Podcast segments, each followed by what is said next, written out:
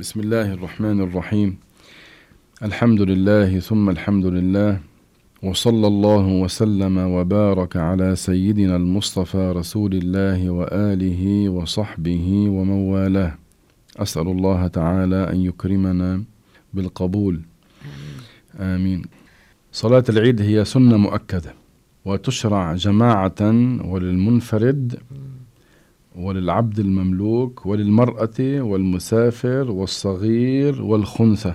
فالمرأة إذا مشروع لها أن تصلي صلاة العيد. وهذا يعني معروف عند المسلمين. إن شاءت أن تصلي في بيتها مع زوجة وإن شاءت أن تأتي إلى مصلى النساء كما كان الحال أيام النبي صلى الله عليه وسلم. كانت النسوة تجتمع في مصلى النساء ويصلين خلف الرجال الرسول عليه الصلاة والسلام. يصلي بالرجال وبالنساء إماما صلاة العيد. فإذا هذا شيء حسن صلاة العيد وهي سنة مؤكدة. نعم. صلاة العيد من السنة أن تصلى جماعة وينادى لها الصلاة جامعة ولا يؤذن لها ولا يقام. نعم. من غير أذان ولا إقامة. إنما ينادى لها الصلاة جامعة وهي ركعتان. يحرم بهما بنية صلاة العيد. ثم بعد تكبيرة الإحرام يأتي بدعاء الافتتاح وجهت وجهي إلى آخرها. ثم يكبر سبع تكبيرات. بين كل ثنتين منهما يقول سبحان الله والحمد لله ولا إله إلا الله والله أكبر. ثم يتعوذ أعوذ بالله من الشيطان الرجيم. ويقرأ الفاتحة ويكبر في الثانية يعني في الركعة الثانية خمسا قبل القراءة. قبل أن يقرأ الفاتحة بكبر خمس تكبيرات سوى تكبيرة القيام.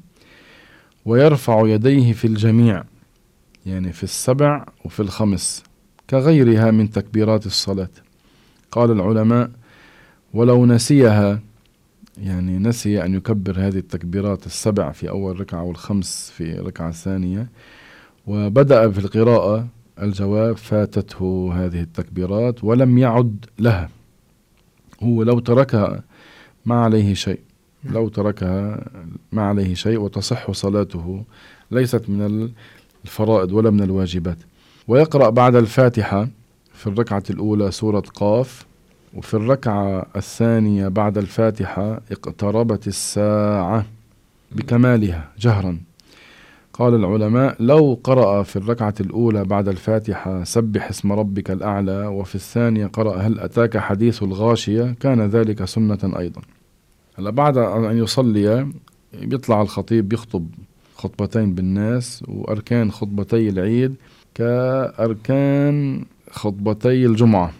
حمد الله والصلاة على النبي صلى الله عليه وسلم والوصية بالتقوى فيهما وآية مفهمة في إحداهما والدعاء للمؤمنين في الثانية. وبيعلمهم الخطيب في عيد الفطر أمر زكاة الفطرة. ومن السنة أنه يفتتح الخطيب الخطبة الأولى بتسع تكبيرات والخطبة الثانية بسبع تكبيرات ولاء متتابعة. هلا لو الخطيب ترك هذه التكبيرات الخطبة صحيحة لا تفسد هذه الخطبة. ومن المستحبات كذلك أنه الذي يريد أن يأتي لصلاة العيد أن يغتسل. بعض العلماء قالوا يغتسل لأجل يوم العيد. يغتسل ويبدأ وقت الغسل وهذا مسنون يدخل وقته من بعد نصف الليل. والأحسن أن يغتسل بعد الفجر. أيوة. بالنسبة للرجل يندب له أن يتطيب وأن يتزين بأحسن ثيابه وأن يزيل الظفر والروائح الكريهة. يعني هذه أشياء الواحد منها براعيها قدر ما يستطيع. هذه بالنسبة لأمر صلاة العيد باختصار.